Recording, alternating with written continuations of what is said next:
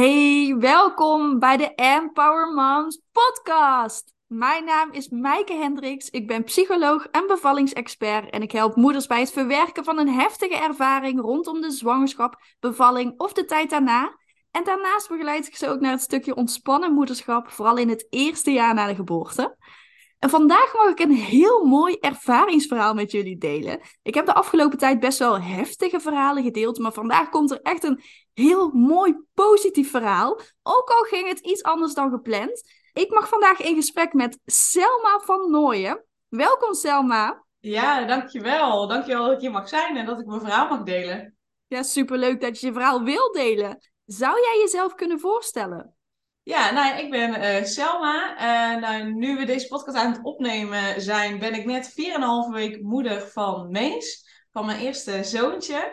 En uh, ik ben nu uiteraard nog met zwangerschapsverlof, waar ik heerlijk van aan het genieten ben. Maar normaal gesproken uh, begeleid ik ja, moeders met jonge kinderen die zich gestrest voelen in het moederschap naar, nou ja, inderdaad een relaxte moeder zijn die gewoon heerlijk kan genieten van de gezin. Eigenlijk een beetje soortgelijk wat Maaike doet. Maar Maaike doet nog veel meer uh, mooie dingen erbij. Ja, ik ben hier dus vandaag om, om mijn bevallingsverhaal te delen. Uh, maar je vroeg ook al van, hè, kunnen we ook een stukje naar daarvoor nog gaan, naar uh, de periode voordat ik zwanger was? Want, ja, want dat was niet makkelijk, hè? Nee, nee. Wij hadden op een gegeven moment besloten van, nou, we zijn er klaar voor om papa en mama te worden. Ik was sowieso al een half jaar gestopt met de pil, omdat ik zoiets had van, ja, die hormonen wil ik sowieso uit mijn lijf hebben. En we willen ergens het komende jaar wel gaan beginnen met zwanger worden. Dus laat ik alvast stoppen met de pil. En uh, nou ja, we werden maar niet zwanger en we werden maar niet zwanger en we werden maar niet zwanger. Ja, we hebben uiteindelijk anderhalf à twee jaar gewacht. En toen zijn we naar de huisarts gegaan. Zo ja, we zijn nu al zo'n anderhalf à twee jaar bezig. Het lukt niet. Kunnen we verder gaan kijken uh, of ja, waar het aan ligt, of het ergens aan ligt. Wat een intense tijd wel, denk ik. Als je anderhalf jaar à twee jaar heel graag een kindje wilt en het lukt niet. Dat is super ja, dat is niet leuk. Nee. Dus iedere maand, iedere maand opnieuw. En dan met heel die menstruatiehormonen erbij. En emoties. Uh, ja, de, op het moment dat, dat mijn menstruatie eraan kwam, dat was geen leuke periode. Want dan zat ik de hele tijd te wachten van, oh, voel ik nu iets? Voel ik nu iets? Ja, mijn borsten zijn wel gevoeliger. Oh ja, misschien misschien is het nu wel raak. Nou ja, en dan kwam ik weer, dan kwam er weer bloed uit. En dan dacht ik weer, ja, shit. Uh, het is nog steeds niet gelukt. Ja, dat is gewoon kloten. Dat is gewoon echt kloten. Ja, elke keer dat stukje tussen hoop en vrees. Hè, van, oh, zou het lukken? En als, en als het dan weer niet lukt, weer die teleurstelling. Ja, ja dat was niet leuk. En, en uh, in de tussentijd was uh, een vriendin van mij uh, zwanger. Uh, later was het ook nog dat een andere vriendin uh, zwanger werd. En hoewel ik super blij voor ze was, echt oprecht super blij voor ze was, was het tegelijkertijd ook wel echt bij mij verdriet dat ik dacht, ja, maar ik wil dat ook. Waarom lukt het bij ons niet? Dus dat was dan weer een confrontatie met het gemis wat ik had uh, in dat we zelf nog geen, geen kinderen hadden. Dus daarin, als je het dan hebt over hoop en vrees, daarin stond ook wel geluk en verdriet regelmatig dicht bij elkaar. Dat ik dacht, ja, ik wil dat ook, maar het lukt niet. Potverdorie. Waarom niet? Ja, dat was geen leuke periode. Nee. Nee, dat kan ik me helemaal voorstellen. En vooral om, ook omdat je niet weet hoe lang het dan nog gaat duren. Hè? Je hebt geen vooruitzicht. Als je nou weet van, oh, over een paar maanden dan lukt het, dan is het makkelijker te accepteren. Maar met zoiets als een zwangerschap, ja, is dat gewoon super onzeker. Ja, ja, zeker. En je hoort sommige mensen die dan meteen zwanger zijn of eh, mensen die per ongeluk zwanger raken of zo. Dat ik echt dacht, ja, maar hoe dan? Hoe raak je per ongeluk zwanger? Wij willen het heel graag. Hoe dan? Oh, dat, dat lijkt me ook echt frustrerend dan, op het moment dat je daarin zit. Ja, ja dat, was, dat, was, dat was niet leuk. En toen ging je naar de huisarts. Wat gebeurde er toen? Ja, nou, toen gingen we naar de huisarts. Nou, mijn man en ik hebben alle twee een aparte huisarts. Uh, of in ieder geval een eigen huisarts. Dus dat was ook nog een dingetje. Want mijn huisarts die zei eerst van... Nou, laat eerst daar zijn zaad testen en dan kom je maar weer terug bij mij als daar niks uitkomt of wel iets uitkomt. De huisarts vandaan die zei, ja, maar ja, uh, ik zou jullie allebei tegelijkertijd sturen. Dus Selma alvast doorsturen naar het ziekenhuis en dan word jij daar aangekoppeld. Dus dat was een beetje een heen en weer dat ik echt zei, dit gaan we niet doen. Jij hebt gewoon contact met je huisarts. Jij gaat daar zaad doen en we gaan ook verder zeg maar, met mijn huisarts. Dus dat was ook nog dat ik dacht, oké, hier heb ik totaal geen zin in dat we heen en weer worden gestuurd. Maar goed, dat is uiteindelijk gebeurd. Toen was het ook nog zo dat eerst het zaad van Daden getest was. daarbij leek het op dat, dat, dat zijn zaad niet goed was. Dus zijn huisarts deelde dat mede. Ja, dat het waarschijnlijk aan Daan lag. Alleen toen we uiteindelijk in het ziekenhuis kwamen, bleek dat dat genuanceerder was. Dus daaraan merkte je ook van, oké, huisartsen weten van heel veel dingen een beetje, maar niet zo gespecialiseerd als dat ze in het ziekenhuis weten. Dus uiteindelijk viel dat nog wel mee. Maar we werden dus doorgestuurd naar het ziekenhuis. Daar kreeg ik, uh, hadden we een intake, kreeg ik meteen een inwendig onderzoek om te kijken uh, bij mijn eileiders, of dat allemaal goed uitzag, of mijn baarmoeder er goed uitzag. Uh, ze kon ook zien dat er al wat eitjes aan het groeien waren. Die had ze ook geteld, dus dat was allemaal in ieder geval in orde.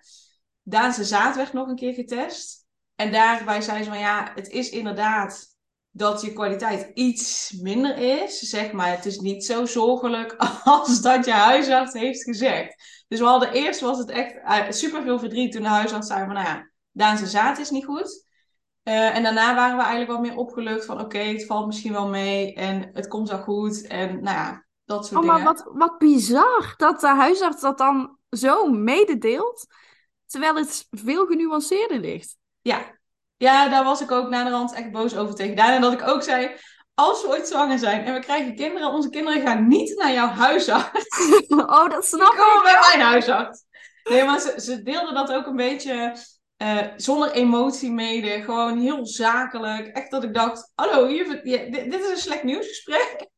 En je doet gewoon een beetje heel laconiek. En het was heel graag in ieder geval. Ja, heel jullie leven staat op zijn kop als je dat te horen krijgt. Van, oh, het zaad is niet goed. Want je hebt hoop dat het goed is, dat het op een natuurlijke manier kan gaan. En als iemand dan, zonder empathie of wat dan ook, hè, dat zo mededeelt. Ah, vreselijk. Ja. Ik kan me niet nou ja, voorstellen hoe dat moet zijn. Ja, nou dat vond ik dus ook. dus dat, dat was, ja, het was gewoon al rot. En dat was, nou ja, het was niet inderdaad... Ze leefden zich niet zo heel erg in. Uh, in ieder geval voor mijn gevoel. En in het ziekenhuis was het echt alweer een stuk anders. Die arts die we hadden was ook super lief. En, en legde alles heel goed uit. En ze zegt, alles gaat op jullie tempo, zoals jullie het willen. Dat was ook... Dat was eigenlijk al het begin van dat ik dacht, oké, in het ziekenhuis zijn ze ook heel erg lief en helpen ze ons echt wel. Ja. Ja, dus, maar dat is eh, ook goed om te weten. Hè? Vaak heeft het ziekenhuis zo'n imago van... oh, het is allemaal heel statisch en steriel. En, hè? Maar het kan ook op een liefdevolle manier en op een fijne manier. Dat is ook goed om te ervaren, ja. Zeker. En ik denk ook wel echt dat het eraan ligt wat voor arts je hebt. Een vriendin van mij die was ook, uh, is ook daar geweest. Die had een andere arts. En uh, die had een hele andere ervaring dan, uh, dan dat wij hadden. Dus ik denk dat het ook heel erg aan ligt wie je tegenover je hebt. Ja, zeker, ja. En op het moment dat je naar het ziekenhuis ging, wat gebeurde er toen allemaal? Ja, ja we hadden dus intake met inwendig onderzoek. Daar is de zaterdag nog een keer getest. Mijn bloed werd getest om te kijken of mijn schildklier goed functioneerde. En er werd ook nog iets getest. Ik weet al niet meer wat. En toen waren we twee weken later of zo, uh, gingen we terug voor de uitslag. En nou ja, bij mij bleek wat ze konden zien dat alles goed was. Ze zei het enige wat nog zou kunnen is dat dat ik verkleving had in mijn buik of dat een van de één of twee eileiders uh, dicht zat. Maar ik had verder geen indicatie, want het kan zijn als je bijvoorbeeld een operatie hebt gehad of zo, dat dat, uh, dat, dat daar niet meer goed zit.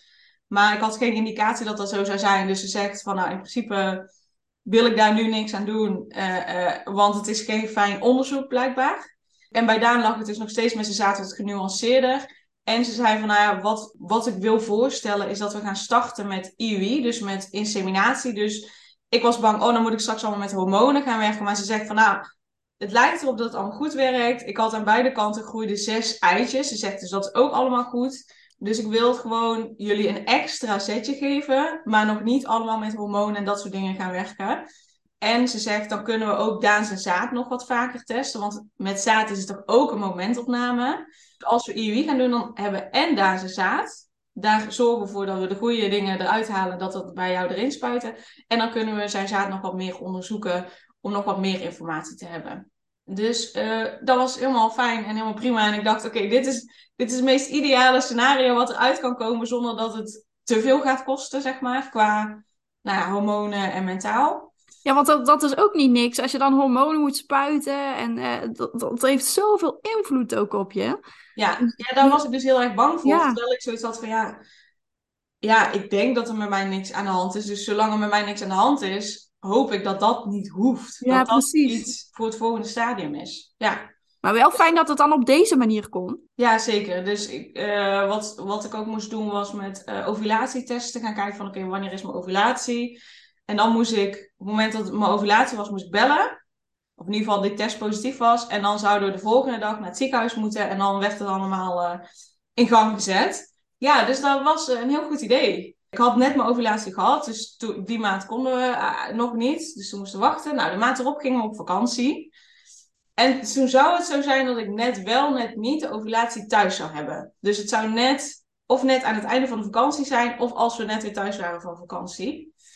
Nou, ik had precies op vakantie de ovulatie natuurlijk. Toen, nou ja, twee dagen of zo voordat we naar huis zouden gaan. Maar we hadden ook gezegd, we gaan daar niet voor naar huis. Gewoon rustig aan, dan komt het volgende maand. Maar goed, we hebben wel zelf die kans benut. En toen was ik dus wel zwanger. Oh, wauw! Ja, dus eigenlijk. Ja, op het laatste moment is het toch zelf gelukt. Ja, hoe fantastisch is dat? Ja, ja, dan ben je al zo lang aan het wachten op een kindje en dan lukt het toch gewoon zelf. Ja, ja, heel bizar dat het gewoon gelukt is. Hoe was dat voor jullie toen je erachter kwam? Nou ja, nou, dat is ook nog wel uh, een grappig verhaal. Tenminste, ik vind het een heel grappig verhaal. Want wij zijn toen, nou, twee weken later zouden ze mijn menstruatie starten. En Dani moest voor zijn werk, moest hij naar Hasselt in België. En toen zei ga je mee, dan slapen we daar een nachtje. En dan, uh, dan hebben we daar ook nog even een leuke tijd. Maar dan kan ik in ieder geval ook mijn zakelijke afspraak doen. Ik zeg, prima, dan ga ik mee. En hij had toen, ik weet nog, het was op een maan, maandag 30 juni. Ik weet, ik weet gewoon nog datum. Toen um, ging hij naar die zakelijke meeting. Ik moest weer ongesteld worden. En ik zat weer continu in mijn hoofd met, ja, voel ik nou wel iets, voel ik nou niet? Ja, een beetje mijn onderbuik. Ja, het voelt wel echt alsof het komt, maar toch ook weer niet. En toen dacht ik, ja, ik ga mezelf niet weer gek maken. Ik ga gewoon een zwangerschapstest kopen. Het kan me niet schelen dat het hier Hasselt is. Ik ga gewoon een test kopen, want ik weet als die test negatief is, dan kan ik het ook gewoon loslaten. Dus met die insteek ging ik daar naar het Kruidvat. Nou, het hotel was ik al uitgecheckt, dus ik ben toen naar de Biep gegaan. Maar toen kon ik eerst de wc niet in, want daar had je een pasje voor nodig. Toen dacht ik, nou, laat maar zitten. En toen was Daan klaar met zijn meeting. En toen kwam er dus net iemand uit de wc. Dus ik ga de wc en ik zeg, Daan, ik moet nog even naar de wc. Ik, ik was niet van plan om tegen hem te zeggen dat ik een test ging doen. Want ik dacht, ja, ik heb al zoveel tests gedaan. Hij denkt waarschijnlijk onderhand, oh, hou nou een keer op. Dus toen ging ik op de biep in Hasselt naar de wc. En ik had gewoon heel snel de eerste zwangerschapstest gepakt. Gewoon, dat was die van Clear Blue. Maar ook nog waarop komt te staan dan hoe ver je bent. Ik dacht, ja, het maakt niet uit. Ik wil gewoon de eerste en snel. Dus toen zat ik op de wc. En ik had op dat ding geplast. En ik legde die test weg. En er kwam al vrij snel een plusje te staan. En toen dacht ik, een plusje? Dus ik ging op dat ding kijken. En toen stond er bij het plusje dat je zwanger was. En toen dacht ik, ja, dat zal wel fout zijn. Dat zal wel... Hij zal zo, het zal zo meteen wel een minnetje worden. Ik kwam daar ineens één streepje twee weken te staan. Toen dacht ik, nee, dat kan niet. Dus ik heel snel die zwangerschapstest in mijn tas en ik gewoon heel snel naar buiten gerend. Ik heb nog iemand ondersteboven gerend. Omdat ik heel snel naar Daan wilde om te vertellen dat het dus was gelukt. Oh, wauw. Ja. Maar Wat was, een verhaal. ja, ja, ik ging echt die testen en dat ik dacht, nou dan is hij negatief, dan kan ik het loslaten. Dan is het Ja. klaar. Maar ja, dat was dus niet. Wow, en dan, en dan kom je erachter in de bibliotheek? Ja, ja, ja, in de bibliotheek in Hasselt. Dus ik rende, en Daan die stond ook buiten te wachten. Ik rende zo naar buiten en ik dacht, echt, wat is dit? En ik kwam bij hem en ik haal zo dat ding trillend uit mijn tas. En ik moest keihard huilen. En hij dacht echt, wat is dit nou weer? Ik kon het niet eens vertellen. Dus ik keek zo naar dat ding en dan dacht ik, ja, wat is dit? Hoe bijzonder. Hoe Ja. reageerde hij? Nou, hij, hij, hij wist niet hoe hij moest reageren. We, hebben, we zijn daarna ook echt even op een terras gaan zitten. En we hebben echt zo gezeten van, nou, ik ben zwanger. We krijgen een baby. Hij, hij, hij wist het niet. En pas later kwam het bij hem en werd hij echt heel enthousiast. Maar hij dacht echt, hè? Kan, je kunt mijn gezicht niet zien, maar...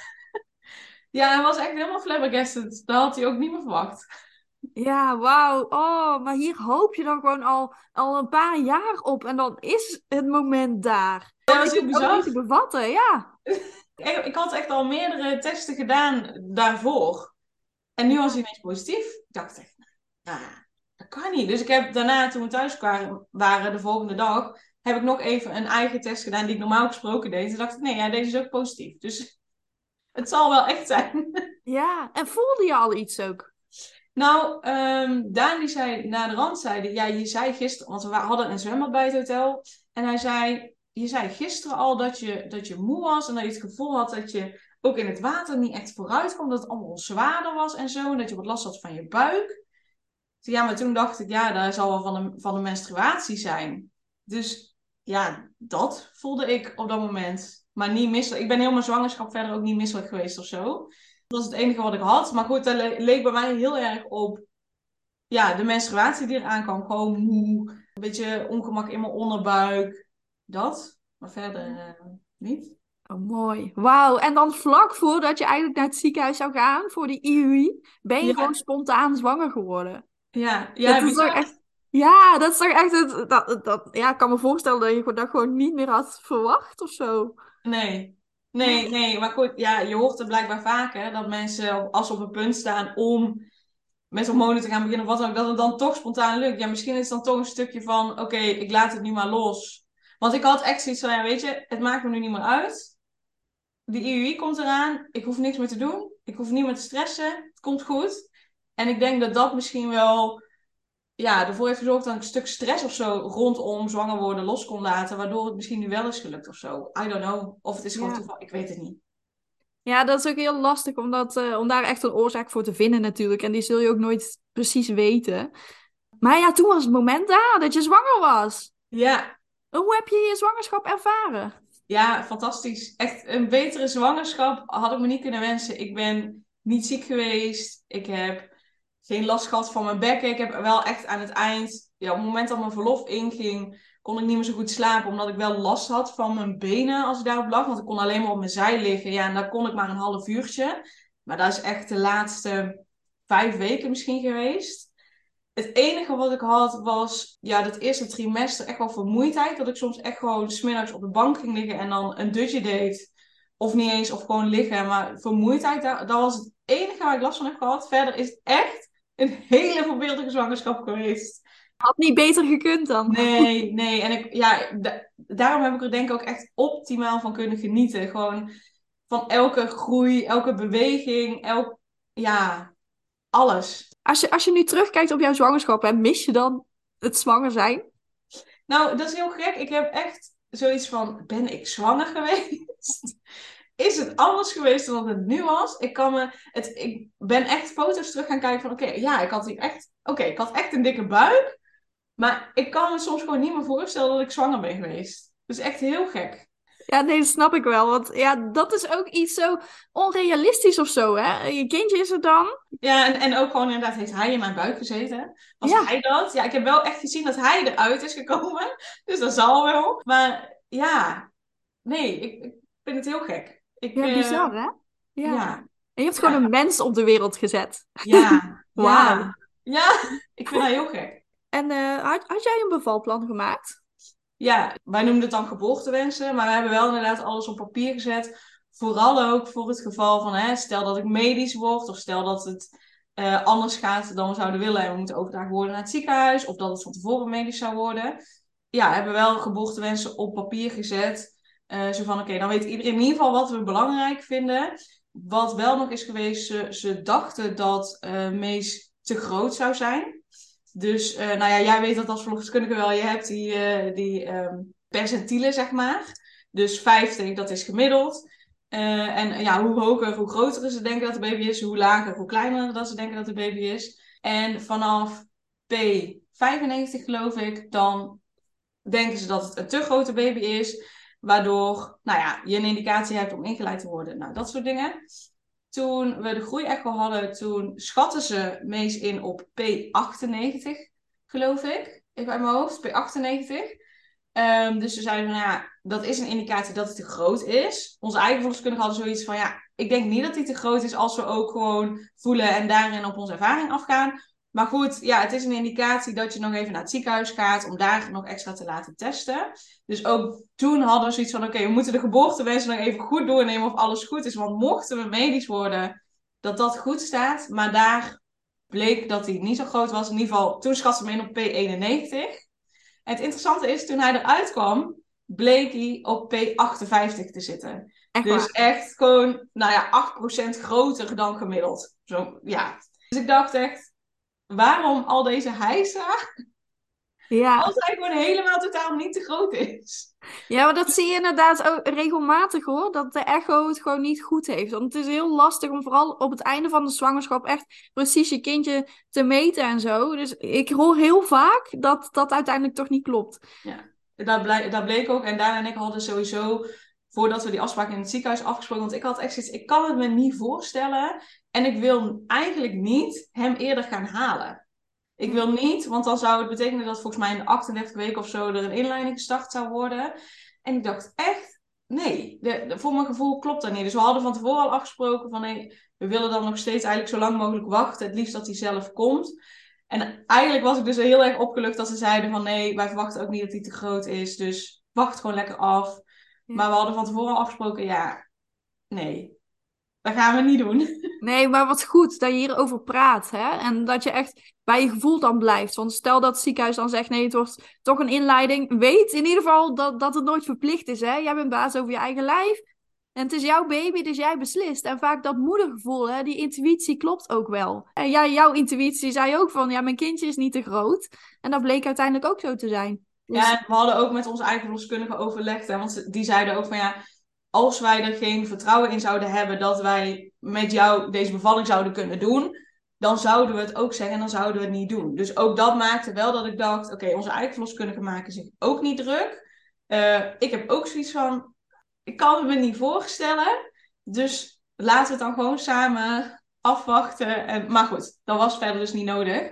Maar toen hebben we wel inderdaad nog even extra gekeken naar de geboortewensen. Staat alles goed in? Is alles duidelijk? Dus ehm, ja, die hadden we wel opgesteld. Om even terug te komen op je originele vraag. En wat waren je wensen voor je bevalling?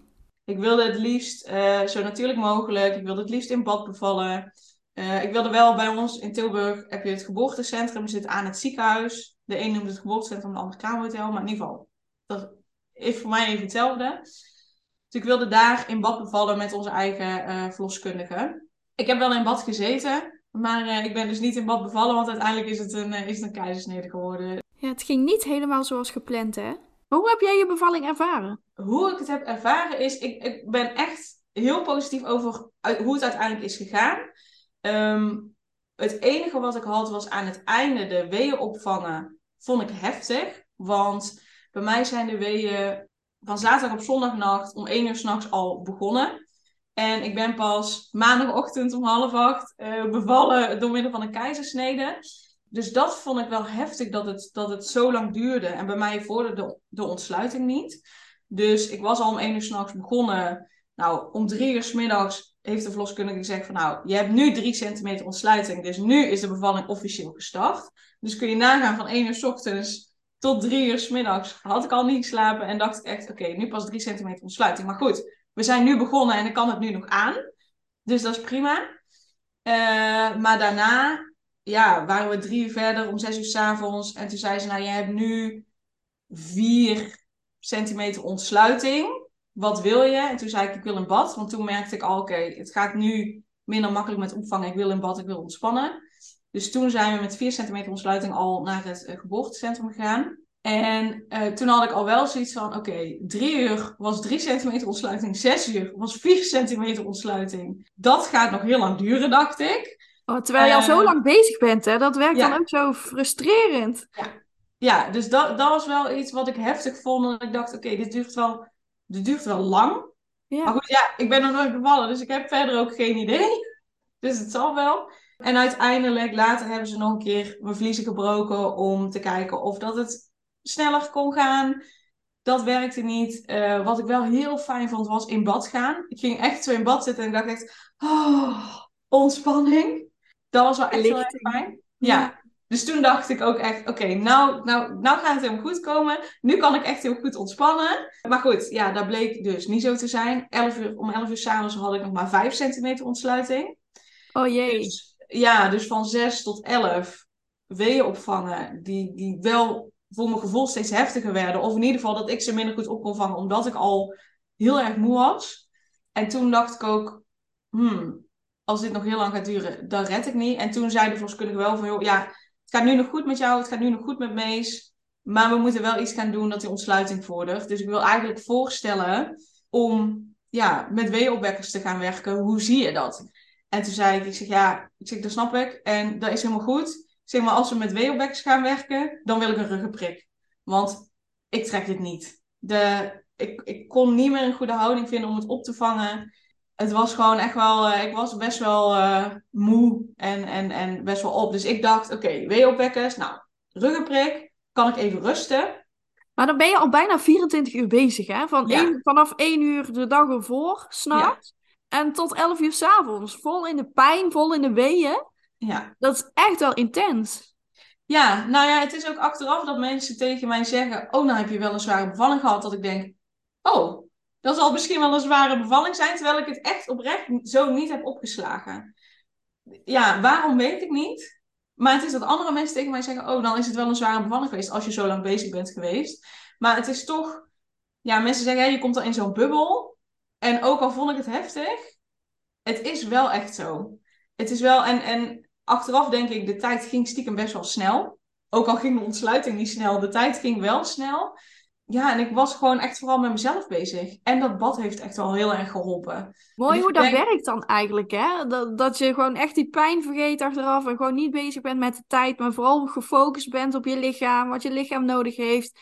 En zoeken naar verlichting. Wat helpt jou? En hoe kun je daarmee omgaan hè, met de pijn van de weeën? En dat dat dus zo'n positief effect heeft gehad. Ja, ja, ik ben heel blij dat ik het niet heb opgeslagen als zwaar. Als, als een moeilijke bevalling. Ja, het, in mijn beleving is gewoon, het is gegaan zoals het is gegaan. En ik heb achteraf ook met de verloskundige erover gehad van, oké, wat had ik nog kunnen doen? Ze zegt, ja, je hebt alles gedaan wat je, wat je kon doen om die ontsluiting uh, te bevorderen. Zegt, je hebt, je hebt echt ontspannen. Zeker toen je in dat bad ging zitten, kon je gewoon heerlijk ontspannen. Zegt, je hebt regelmatig je, bla je blaas geleegd. Je bent regelmatig van houding gewisseld. Zegt, dus jij hebt alles gedaan wat je kon doen om het te bevorderen. En dat heeft ook wel gemaakt dat ik dacht, ja, weet je, ik, weet, ik heb absoluut niet gefaald. Want ik heb ook inderdaad echt alles gedaan. En zo voelde het voor mij überhaupt al niet. En al helemaal niet toen de verloskundige zei van ja, je hebt gewoon alles gedaan. Het is gewoon, ja, ja, je hebt er geen, ja, je hebt er geen controle over. Hè? Nee. Je lijf doet wat hij wil. Ja, je kunt bepaalde houdingen aannemen of wat dan ook om het, om het te bevorderen, maar meer kun je niet doen. Ja, nee, dat klopt. Ja, ja dus, dus daarom denk ik ook dat ik het niet als zwaar of zo dan heb ervaren, omdat ik heb gedaan wat ik kon doen. Ja, precies. Je hebt toen aangegeven, hè, van uh, toen de weeopwekkers werden gestart, van ik wil dan een ruggenprik. Ja. Hoe heb je dat ervaren? Nou, het was uh, dus zondagavond, 11 uur. En het was heel erg rustig in het ziekenhuis. Dus uh, ik werd in dat bed gelegd en ik werd naar de verloskamer gereden. Want van het geboortecentrum naar de verloskamer dan moet je nog wel even een paar gangen door. Daar heb ik niet meegekregen, want ik heb wel de hele tijd met mijn ogen dicht gelegen, omdat ik die weeën nog moest opvangen. Uh, maar het was dus super rustig. Dus ik werd daarna eigenlijk meteen doorgereden naar, ja, naar de anesthesist. Die had ook meteen tijd. En ik dacht, oh, dat gaat zo erg pijn doen, die ruggenprik. Want dan hoor je allemaal verhalen over dat het pijn doet. Maar ja, dat was ook niet. De, hij zat er zo in uh, en het, het was eigenlijk zo gepiept. Dat ik dacht, oh, nou, dit valt ook wel mee. Ja, dus dat, dat was zo gepiept en het was zo klaar. Dus toen ben ik weer teruggereden en toen werden die weeopbekkers aangesloten. En wat ik zei, ik dacht dus, oh, dan kan ik rusten. Kan ik daarna een keer gaan persen. Als, uh, als ik op 10 centimeter zit. Maar verliep toch iets anders dan, uh, dan ik had gedacht. Want um, telkens als die weeopwekkers wat hoger werden gezet, ging de hartslag van Mees naar beneden. Dus moesten ze die weeopwekkers weer lager zetten om te kijken van oké, gaat zijn hartslag weer beter? Nou, dan kwam hij er weer bovenop. Nou, dan werden die weeën weer harder gezet. Dus ja, het was eigenlijk niet dat ik rust had, want er kwam continu iemand binnen. En dan konden ze die hartslag weer niet goed meten. Dus je krijgt dan zo'n band om je buik om de hartslag te meten. Nou, dan moest die weer verlegd worden iedere half uur werd mijn bloeddruk gemeten. Dus dan ging die, die, dat ding weer zo brrr, keihard aan. Dus ja, ik heb, niet, ik heb niet kunnen rusten, zeg maar. Nee, nee, dat snap ik. Oh, maar wat heftig, hè? Dan denk je eindelijk die rust te hebben en dan gebeurt er nog van alles. Ja, ja en dan denk ik van, nou, die WO-bekkers, nou, dan is het zo gepiept, hè, met die ontsluiting. Maar dat was dus niet, want uiteindelijk, ja, om 11 uur ben ik dus die kant op gereden. Nou ja, vrij snel zat dus de ruggenprik erin. Maar om half acht ochtends is uh, de keizersnede heeft plaatsgevonden. Dus ja, dat was ook niet dat het heel erg snel ging. Maar ook omdat ze continu die weeopwekkers weer lager moesten zetten. Omdat Mees het dus weer niet goed had. Nu bleek ook nog eens dat hij... Hij lag niet in stuit. Hij lag wel al goed ingedaan. Maar dat hij andersom lag. Dus dat hij met zijn gezicht naar mijn buik lag. Maar beter kan, hij, ja, beter kan hij met zijn gezicht naar de rug liggen. Dus dat maakt het blijkbaar ook moeilijker. Dus ik moest ook nog op mijn zij gaan liggen in de hoop dat hij om zou draaien. Dus nou, zo was ik continu nog steeds bezig. Oh Om te jeetje. zorgen dat het goed ging. Maar Hoe En was dat, hoe was dat voor jou? Om, hè, als je dan merkt dat die hartslag dan steeds aan het dalen is op het moment dat die weeënopwekkers dan hoger worden gezet? Daan, laat ik zeggen, Daan had daar meer moeite mee dan ik. Want Daan die kon op het scherm meekijken. En ik had iedere keer zoiets van, dan kwam er iemand binnen. En eh, die nog wel iets. En ze deed dan de weeopwekkers wel naar beneden. En zei van, ja, we moeten even, je moet even van houding veranderen. Want we kunnen de hartslag niet goed horen. En het daalt wat. Maar daar heb, heb ik minder bewust meegekregen. Waarschijnlijk omdat ik dus al zo moe was. Dus ik heb daar minder bewust meegekregen. Maar Daan die heeft zich wel echt zorgen lopen maken. Dat hij echt dacht, oké, gaat het nog wel goed? Komt het nog wel goed? Terwijl hij ook zoiets had van, nou, het medisch personeel is er, die weet wat ze doen, die houdt het continu in de gaten. Dus dat komt, dat komt sowieso goed. Daan heeft daar meer moeite mee gehad. Ja, ja, dat lijkt me ook best wel. Voor een partner sta je aan de zijlijn en ben je eigenlijk helemaal machteloos. Dus dat lijkt me helemaal wel, wel een ding. Hè? Van je wilt dat het goed gaat met je, met je partner, met je, met je kind.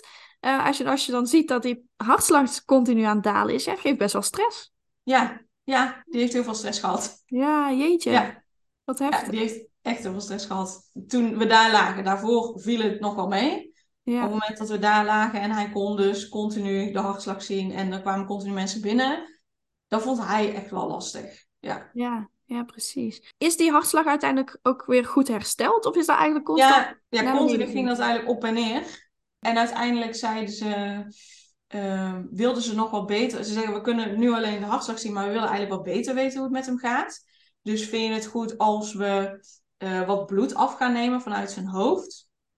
En ik had zoiets van, voorheen, van tevoren had ik waarschijnlijk gedacht, dat wil ik niet. En nu dacht ik, nee, controleer alsjeblieft of het goed met hem gaat. Want dat is het allerbelangrijkste. Dus wat ze toen deden was met zo'n buisje, zeg maar, in, ja, bij mij naar binnen gaan. En dan halen ze wat bloed eruit. Nou, dat is blijkbaar een heel ingewikkeld iets. En dat hebben ze twee keer gedaan. Want de eerste keer, ik weet niet welke waarde, maar ze moesten twee testen doen of twee dingen meten. Dan konden ze alleen maar één ding meten. Dat was nog goed. Dus dan hebben ze volgens mij vervolgens nog een uur gewacht of zo. Dus had ik op 9 centimeter ontsluiting. Eh, en toen ging ik denken, ja, 9 centimeter ontsluiting. Nog 1 centimeter. Maar ik heb niet kunnen rusten. Ik ben helemaal kapot. Ik dacht echt, ik kan niet persen. Ik kan straks echt niet persen. Dus toen heb ik de verloskundige erbij gehaald. En toen zei ik van, ja, hoe gaat dat nou straks in zijn werk? Als het op 10 centimeter zit, gaat, dan heel, gaat de ruggenprik dan helemaal uit? En, en eh, moet ik dan die wee weer opvangen? Want dat vond ik nog het ergste. Dat ik dacht, dat kan ik ook echt niet meer. Ehm, dus toen zei ze van, nou, weet je, dan gaat de, de ruggenprik, we zetten het dan wel iets uit, maar die blijft nog altijd wel een beetje aanstaan. Ik zeg, maar hoe moet ik dan gaan persen? Ja, je kunt je benen dan in de beugels leggen. Toen dacht ik, dat wil ik niet. Ik wil niet met mijn benen in de beugels. Ik, ik dacht echt, want ik kan al niet zo goed persen nu, denk ik. En dan volgens mij al helemaal niet op mijn rug. Want ik wilde sowieso in bad bevallen eh, of op een baagdruk bevallen. Ze zegt, maar goed, dan kunnen we nog wel kijken of dat kan. Maar toen zei ik ook tegen haar, ik zeg heel eerlijk, ik zeg, ik denk niet dat ik, ik, denk niet dat ik het kan. Ik ben zo moe. Toen zei ze nou, laten we niet nu al conclusies trekken. Laten we nog een keer die meting doen. Want we hebben maar één eh, eh, waarde eruit kunnen halen. En we willen eigenlijk ook nog wat meer weten. Dus hebben ze nog een keer bloed afgenomen. En toen kwamen ze erachter dat Mees in het vruchtwater had gepoept. En dat hij het eigenlijk dus helemaal niet meer zo goed had. En toen zei ze, en ze bracht het heel voorzichtig. Maar voor mij was het een hele opluchting. Ze zegt, het lijkt ons beter om een keizersnee te doen. Want Mees heeft het niet meer goed. Eh, hij heeft in het vruchtwater gepoept. En toen, ik zei, doe, alsjeblieft, doe. En ik was opgelucht, want ik dacht, ik had gewoon ook niet kunnen persen. Ik had het niet meer kunnen doen. Want ik was zo moe, ik was zo op. Ik was al meer dan 24 uur bezig, want dit was om 7 uur s ochtends of zo. Eh, dat ze daarmee kwam. Dus ja, ik was eigenlijk dus heel erg opgelucht dat het een keizersnee zou worden, want ik had het niet meer gekund. En Mees had het niet goed, maar ik had het ook gewoon oprecht niet meer gekund. Ja, jouw, jouw vliezen waren al gebroken, hè?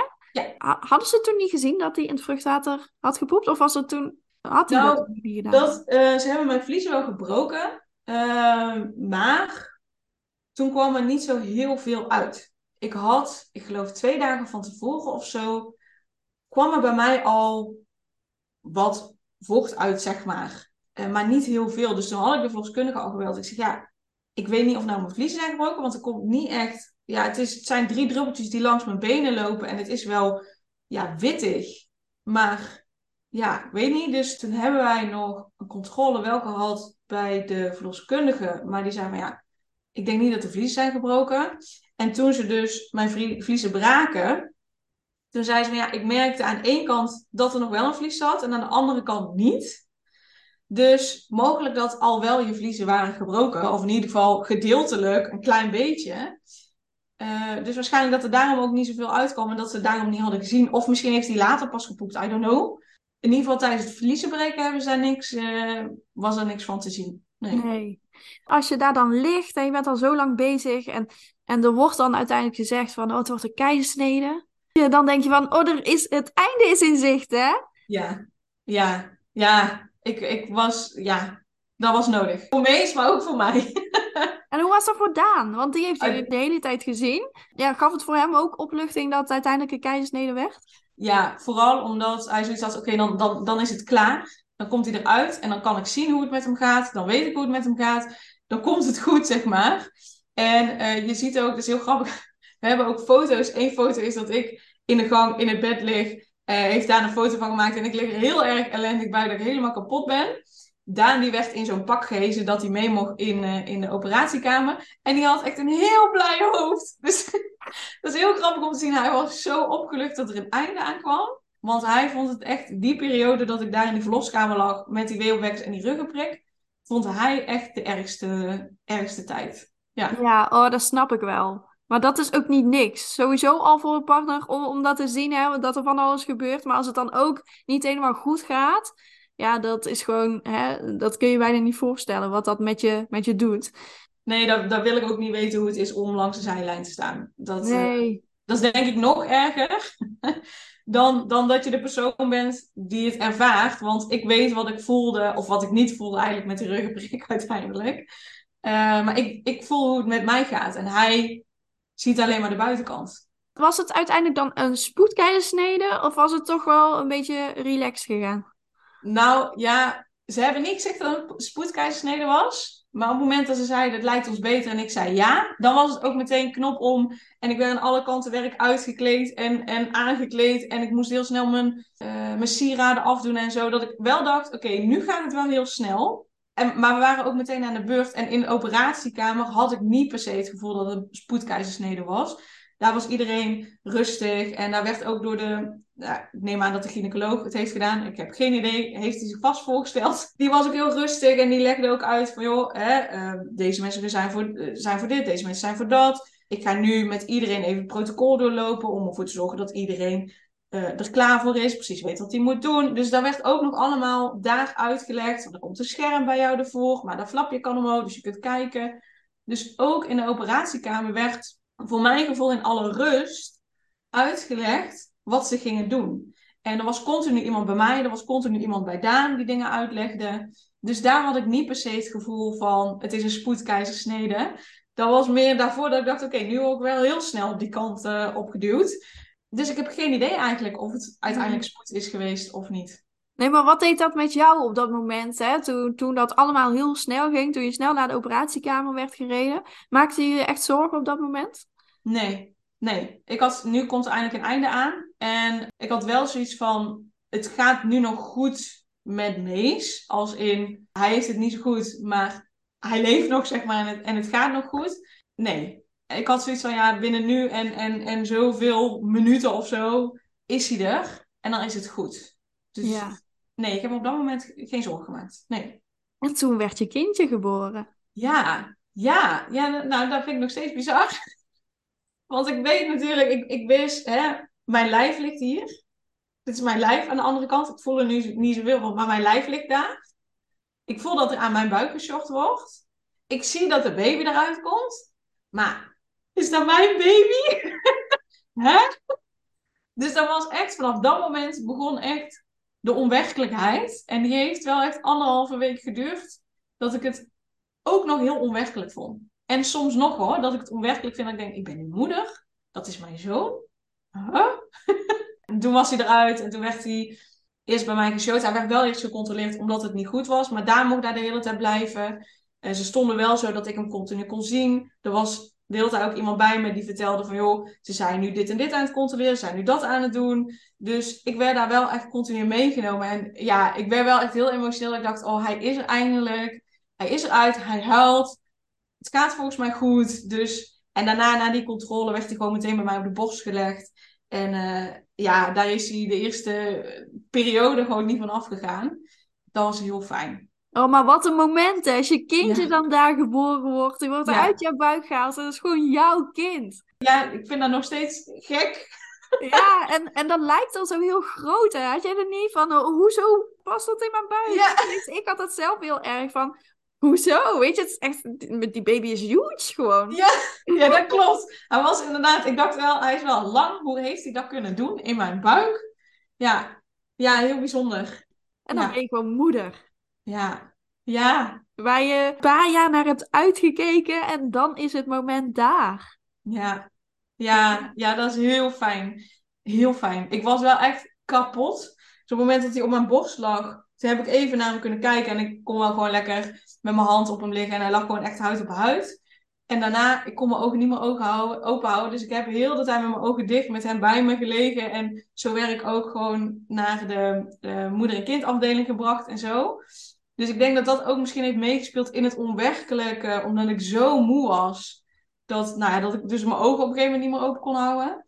Um, dus dat, dat er misschien nog wel aan bij heeft gedragen dat, dat het gek was of zo. Snap ik wel, ja.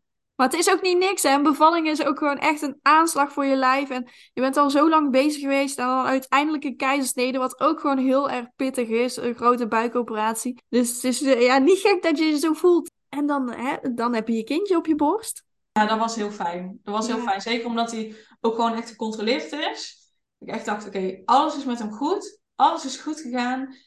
Ja, dit, dit, is, dit is helemaal goed. En ik, ik merk dat ik daar nu nog emotioneel van word ja, ik was zo blij, zo opgelucht dat ik echt dacht, het, het kan me gestolen worden hoe het is gegaan. Het is gewoon precies gegaan zoals het moest gaan. Het is precies gegaan nou, zoals mogelijk was. Voor mijn lijf, voor Mees. Dus ja ik, ja, ik was vooral echt ook heel opgelucht dat het gewoon goed met hem ging. En dat hij gewoon bij mij kon liggen. En ja, dat hij er was. Ja, ja vooral hè, na, na zo'n pittige tijd ook met, met die stress van die hartslag. En uh, dat je dan toch je gezonde kindje hebt. Ja. En hoe heb jij die eerste dagen ervaren? Ja, sowieso hebben we twee uh, dagen in het ziekenhuis gelegen. Uh, vanwege de keizersnede. Ja, en dat was... Ik dacht eerst, oeh, jeetje, twee dagen in het ziekenhuis. Maar dat was eigenlijk wel heel erg fijn, want ik kon gewoon op knop drukken. En dan kwamen ze. Dus om de drie uur uh, moest meestal eten. Ik wilde borstvoeding geven, dus we waren met borstvoeding. Maar ja, dat is ook dan allemaal zoeken. Dus ik was uiteindelijk heel erg blij dat we in het ziekenhuis lagen. Want eten werd gewoon verzorgd. Ik hoefde alleen maar in te vullen, dit wil ik eten. Ik hoefde alleen maar te zeggen, dit wil ik eten. Ja, ik wil iets drinken. Werd allemaal gebracht. En iedere drie uur kon ik gewoon op knop drukken. En dan kwamen ze helpen met de borstvoeding. Overdag, s'nachts. Dus dat was eigenlijk ideaal. Want normaal gesproken beval je. Dan ga je naar huis. Ja, s'nachts is de kraamzorg er niet. Dus dan moet je het maar zelf doen. Maar wij hadden gelukkig het ziekenhuis. Wat ons, uh, wat ons hielp. Dus achteraf gezien was dat heel erg fijn. En uh, na twee dagen zijn we dus naar huis gegaan. Kraamzorg was ook echt super fijn.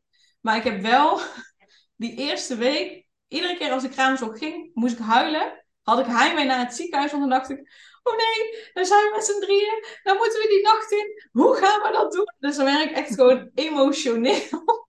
En moest ik echt huilen, omdat ik echt dacht, nee, de kraamzorg mag niet gaan en ik wil terug naar het ziekenhuis, want dan hebben we tenminste altijd hulp. Dat vond ik wel intens die eerste periode. Dan sta je er echt alleen voor, hè? Ja.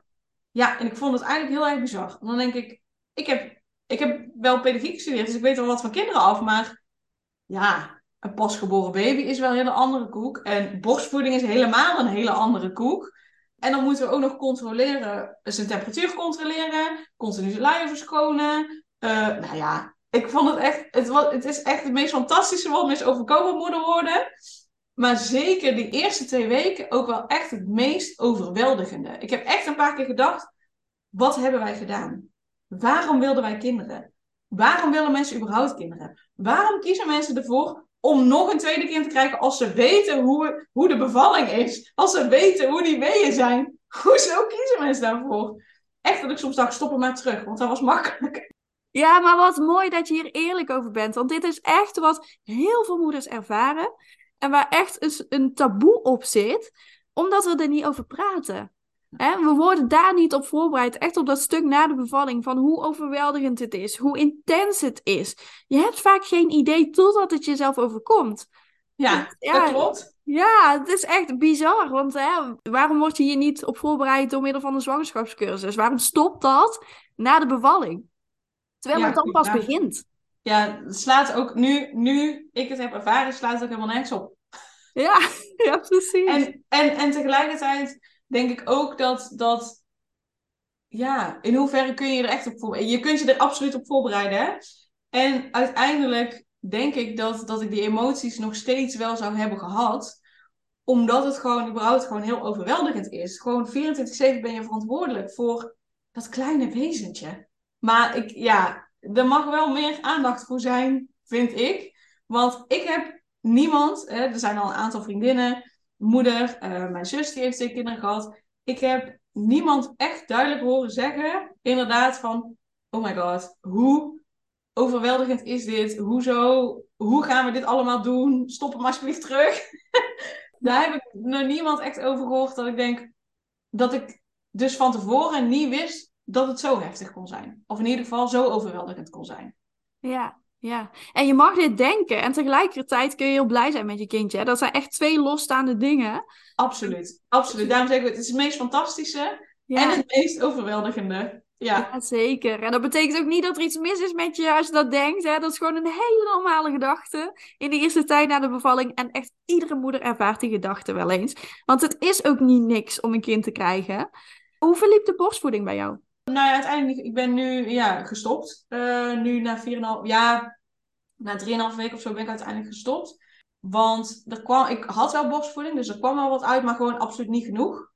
En we hebben ook echt met een lactatiekundige uh, zijn we bezig geweest. Uh, van alles gedaan, geprobeerd met extra kolven ook om, om er meer uit te krijgen, om het meer op gang te brengen.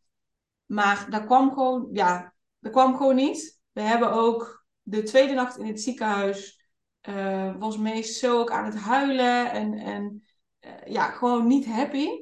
En daar werd ik dan weer heel emotioneel van. En toen heeft de, de verpleegkundige gezegd: Wij gaan hem nu bijvoeden met kunstvoeding. Als jij dat goed vindt, ik zeg: Doe alsjeblieft. Ik wil dat hij het gewoon goed heeft. Dan, dan heb ik het ook goed. Als dat borstvoeding is, is het borstvoeding. Als het kunstvoeding is, is het kunstvoeding. Maar voed hem alsjeblieft bij. En toen hebben ze hem bijgevoed. En toen was hij helemaal tevreden. Dus toen dacht ik: Oké, het ligt echt aan dat hij gewoon te weinig krijgt. Dus toen hebben we nog een tijdje gedaan borstvoeding en daarna bijvoeden. En toen na twee weken of zo, de kraamzorg was ook alweer, na twee weken was ik ook alweer echt een paar dagen aan het, aan het huilen. Dat ik dacht, dit gaat niet goed. Terwijl we gewoon bijvoeden zoals we hadden afgesproken ook met de lactatiekundige. Toen hebben we tegen Daan gezegd, we gaan hem nu een volledige fles kunstvoeding geven. Gewoon dat we precies weten wat erin gaat. Hij, hij, hij had die fles op. En hij viel in slaap. En dan was weer echt zijn, tevreden, relaxed mannetje, wat hij daarvoor ook was. En toen heb ik tegen daar gezegd: ik ga hem geen borstvoeding meer geven. Ik ga alleen maar kolven. En dan mixen we het maar met elkaar. Maakt me niet uit. Maar ik ga hem niet meer aan de borst leggen, want nu weten we tenminste hoeveel hij krijgt. Ja, en sindsdien is hij gewoon wel echt tevreden. En, en ja, doet het gewoon supergoed. Hij had gewoon echt honger. Nou ja, na drie weken was het nog steeds niet. Uh, niet heel veel meer geworden, de productie. Dus toen heb ik ook met de lactatiekundige afgesproken van ja. Ze zegt, je zou, je zou nog kunnen proberen om er wat langer tussen te laten zitten, zodat je in één keer meer kolft. Dat heb ik ook gedaan. Maar ja, het werd niet meer. Dus toen zei ik ook tegen Daan, ik zei, dit kost me te veel energie en te veel moeite. Zeker ook omdat Daan weer aan het werk ging. Uh, en ja, als ik zit te kolven, ja, kan ik moeilijk als Mees huilt. Ja, is dat een beetje lastig met vasthouden en zo. Dus ik zeg, het is me gewoon voor die 20 milliliter die er per keer uitkomt. Zeg, dat gaan we niet doen. Dus ik, uh, nee. Nee, dus, mooie beslissing denk ik ook uiteindelijk. Want hè, als jij er zelf zoveel onder lijdt en, en je kindje heeft honger, ja, dan denk je ook van, waar ben ik dan mee bezig? En het kost zoveel kracht en energie. En uh, ja. ja. voor jezelf geeft dat dan ook een stukje rust om daar dan uh, inderdaad mee te stoppen. Ja. ja, het gaf aan de ene kant rust. Uh, maar dit vond ik veel moeilijker loslaten dan die bevalling. Die bevalling, uh, ja, daar heb ik eigenlijk geen problemen mee. Maar ik heb wel echt flink zitten balen omdat die borstvoeding niet op gang kwam. Omdat ik hem niet ja, de borstvoeding kon geven die ik wilde geven. Daar heb ik dus meer last van gehad. Daar heb ik wel echt twee, drie dagen van zitten balen. Uh, dan, van, dan van de bevalling. Ja. ja, oh, dat kan ik me helemaal voorstellen ook. Want hè, dat is toch een ding. En vooral als je dan stopt met borstvoeding. Ook hier wordt heel weinig over gepraat. Hè, hoe intens dat kan zijn om daar daadwerkelijk mee te stoppen. Want in ons hoofd willen we dat zo graag. Maar ja, ook dat heb je niet altijd in de hand, of het wel of niet gaat en of je kindje wel of niet drinkt. Ja, dus super mooi dat je daar ook eerlijk over bent en daarin jouw proces ook deelt. Dat het zeker niet makkelijk is geweest. Nee, nee, zeker. En ik hoop gewoon dat er, al is het één iemand die luistert en die denkt, oh ja, ja het is helemaal niet zo erg. Uh, uh, Oké, er zijn meer mensen die ervan balen. Het is niet gek dat ik dat vervelend vind of dat ik het moeilijk vind los te laten of wat dan ook. Nee, ja. Als er één iemand is die denkt van oké, het is oké dat ik me er rot over voel, dan, dan is het al helemaal prima. Dan ben ik blij dat ik mijn verhaal heb gedeeld. Ja, mooi. En uh, Mees is nu uh, 4,5 week, zei je? Ja. Wat, wat is jouw grootste uitdaging op dit moment in het moederschap? Hem loslaten. dus ik ben nu met jouw podcast aan het opnemen. Uh, ik zit op zolder, daar, daar is mijn uh, praktijkruimte. Nou, Daan ging sowieso, die ging naar de kruidvat en een boodschap doen, dus die is weg. Maar meest loslaten, dat vind ik het lastigste. Vooral als hij huilt. Dat is wel echt mijn grootste uitdaging. En soms ook wel als, uh, als we visite hebben, vooral opa's en oma's. En mee zijn met huilen of zo. En zij hebben hem vast. Dat vind ik ook lastig. Want dan denk ik, ja, ik wil hem eigenlijk overnemen.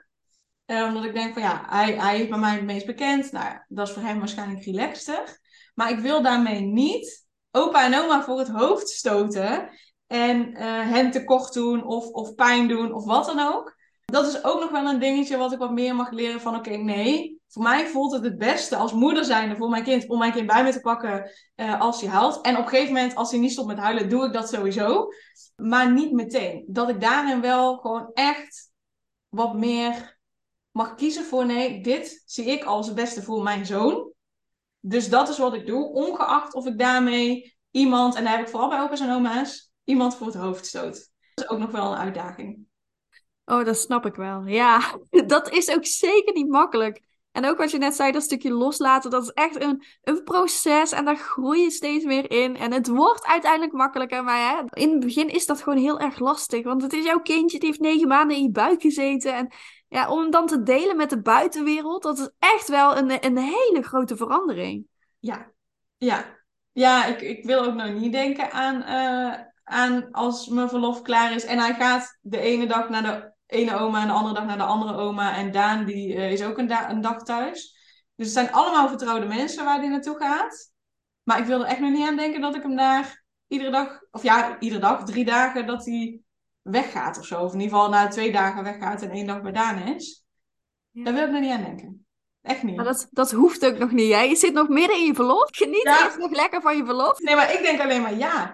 Ja, ik heb twaalf weken na mijn uitgerekende datum. Daar zijn van nu bijna vijf weken van om. Heb ik nog maar zeven weken. Hoe dan? Dat komt gaandeweg wel. En nu is alles nog gewoon heel erg nieuw. En uh, ja, ik, ik, heb het zelf ook ervaren. Dus ik snap helemaal waar je doorheen gaat. En ik denk dat heel veel moeders die luisteren jouw gevoel echt precies begrijpen. En dat is gewoon heel menselijk. Want je wilt je kindje dichtbij je houden dat is zo biologisch bepaald. We willen ons kind niet afgeven aan anderen. Nou, dan vertrouw ik erop dat je zegt dat het goed komt. Bij jou is het ook gelukt, toch? Ja, zeker, zeker. En, en je komt telkens weer met bepaalde dingen in het leven. Bijvoorbeeld als je kind dan weer naar school gaat, dat is dan ook weer een extra stap met loslaten. Dus zo kom je telkens weer in andere fases terecht. En uiteindelijk wordt het gewoon makkelijker om daarmee om te gaan. Dus uh, het komt echt. Fijn. Ja, dus dat zijn twee grote uitdagingen. Loslaten en echt gewoon gaan staan voor dit is wat ik denk dat het beste is voor mijn zoon. Dus kom hier met hem. Ja, nu nog even lekker genieten van, uh, van elkaar. Wat is jouw nummer één tip voor moeders die ook medisch worden en in het ziekenhuis moeten bevallen? Wat zou jij deze moeders willen meegeven? Uh, hele goede vraag. Ja, wat ik voordat ik een tip geef nog wel wil meegeven, is dat echt vanaf, nou sowieso we hebben natuurlijk voor onze verloskundigen, we hebben voor een kleine praktijk gekozen uh, vanwege hun visie en, en uh, omdat we ons heel goed en vertrouwd bij hem voelden.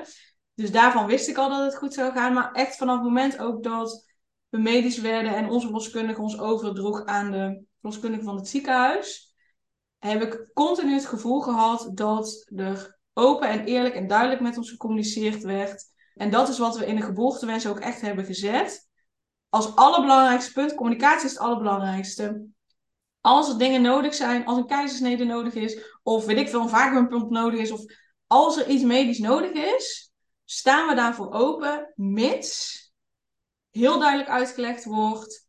Dit is wat wij denken dat nodig is. Dit is de reden waarom we dat nodig vinden. Dit zijn de, de risico's of de voordelen. Dus of het daardoor komt, I don't know. Maar wij hebben dat als heel duidelijk iets in, het, in de geboortewens gezet van communiceer met ons eerlijk en duidelijk en leg ons dingen uit. Dan is er heel veel mogelijk.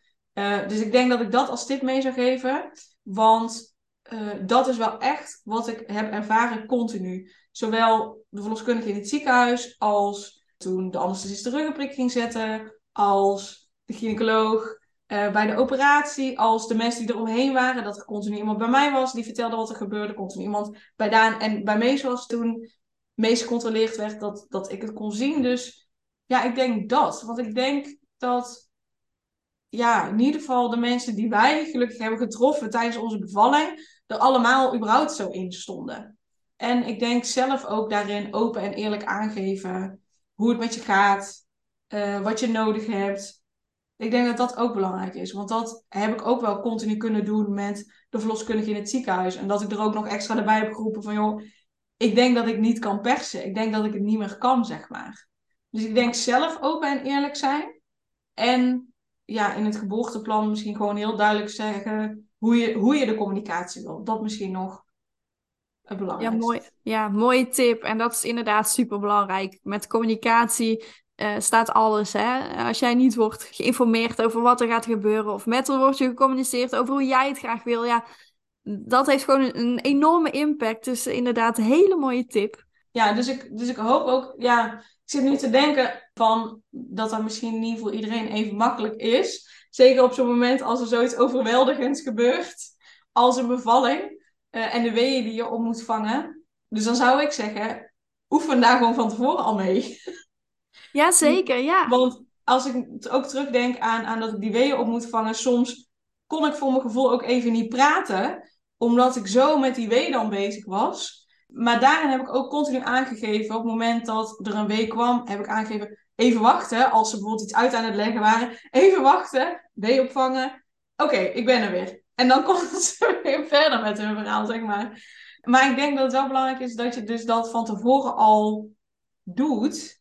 Zodat je daar wat meer vertrouwen bent. Zodat het ook makkelijker gaat op het moment dat je in een bevalling bent. Waarin het al overweldigend kan zijn. Ja, ja heel Die mooi. wil ik nog meegeven. Ja, en inderdaad, hè, um, bespreek het ook met je partner met de geboortewensen of bevalplan, hoe je het wilt noemen. Maar hè, in ieder geval, als jij, als jij er niet meer toe in staat bent om je grenzen aan te geven, dat je partner dit ook voor je kan doen. Ook, uh, ja. ja, daarna heb, hebben we inderdaad samen echt gezeten om die geboortewensen ja. op te schrijven. Ja, mooi. Nu zit jij nog midden in je verlof. Maar als jij straks weer aan het werk bent, want jij uh, werkt vooral ook rondom het thema innerlijk kind, wat echt super interessant is. Hier hebben we trouwens ook een podcast over opgenomen in juni afgelopen jaar. Ik heb het net even teruggekeken. Volgens mij was het aflevering uh, 52. Dus mocht je hem willen luisteren, uh, luister die aflevering dan zeker even terug. Maar als moeders hier meer over willen weten over jou en over wat je doet, waar kunnen ze dan meer over jou vinden? Ja, ik heb nog steeds wel een Instagram-account, maar daar doe ik niet zoveel mee, behalve uh, posten dat er een nieuwe podcast online komt. Dus het beste kun je eigenlijk mijn podcast opzoeken. Dat is Selma van Nooyen. En Nooyen schrijf met N-O-I-J-E. Want dat gaat vaak mis. N-O-I-J-E. Dat is uh, ja, de beste manier eigenlijk om het te volgen. Ja. Top. Zeker een aanrader om te volgen. Dus uh, ga zeker haar podcast beluisteren. Dankjewel Selma voor jouw verhaal. Want ik denk dat je heel veel moeders hiermee hebt kunnen inspireren. Vaak is zo'n ziekenhuisbevalling, zien we daar enorm tegen op. Maar het kan dus ook heel mooi zijn. En dat is natuurlijk ook belangrijk om mee te geven. Vooral als het anders gaat dan je van tevoren had gedacht. En dankjewel voor het bespreken van een aantal taboes. Want hè, jij hebt aangegeven hoe jij je voelde op bepaalde momenten. En dat er hier weinig over bekend is. En daar ben ik het helemaal met je eens. Dus dankjewel voor je openhartigheid uh, rondom deze onderwerpen. Ja, graag gedaan. Ik ben nog wel benieuwd, hè. Heb jij al wel eens over jouw bevallingen podcast opgenomen? Ja, heb ik ook gedaan. Die, uh, Echt? Ja, het staat ook op de Empower Moms podcast. is al een hele tijd geleden Ik hoor. wou zeggen, die heb ik gemist. Maar goed, ik heb vooral naar je recentere eh, podcast geluisterd. Ja, volgens mij zit dat ergens, met, ergens tussen aflevering 20 en 35 Oké. of zo. Ik ga die gewoon opzoeken. Ja, ik ga die opzoeken. Superleuk. En dankjewel Selma voor het gesprek. Yes, ja, Maaike, jij heel erg bedankt dat je überhaupt dit opneemt. Want ik denk dat het super waardevol is voor iedereen. Dus dankjewel daarvoor. En dankjewel dat ik eh, mijn verhaal mocht doen hier. Graag gedaan. En jullie ook allemaal bedankt voor het luisteren naar deze podcast. En tot de volgende keer.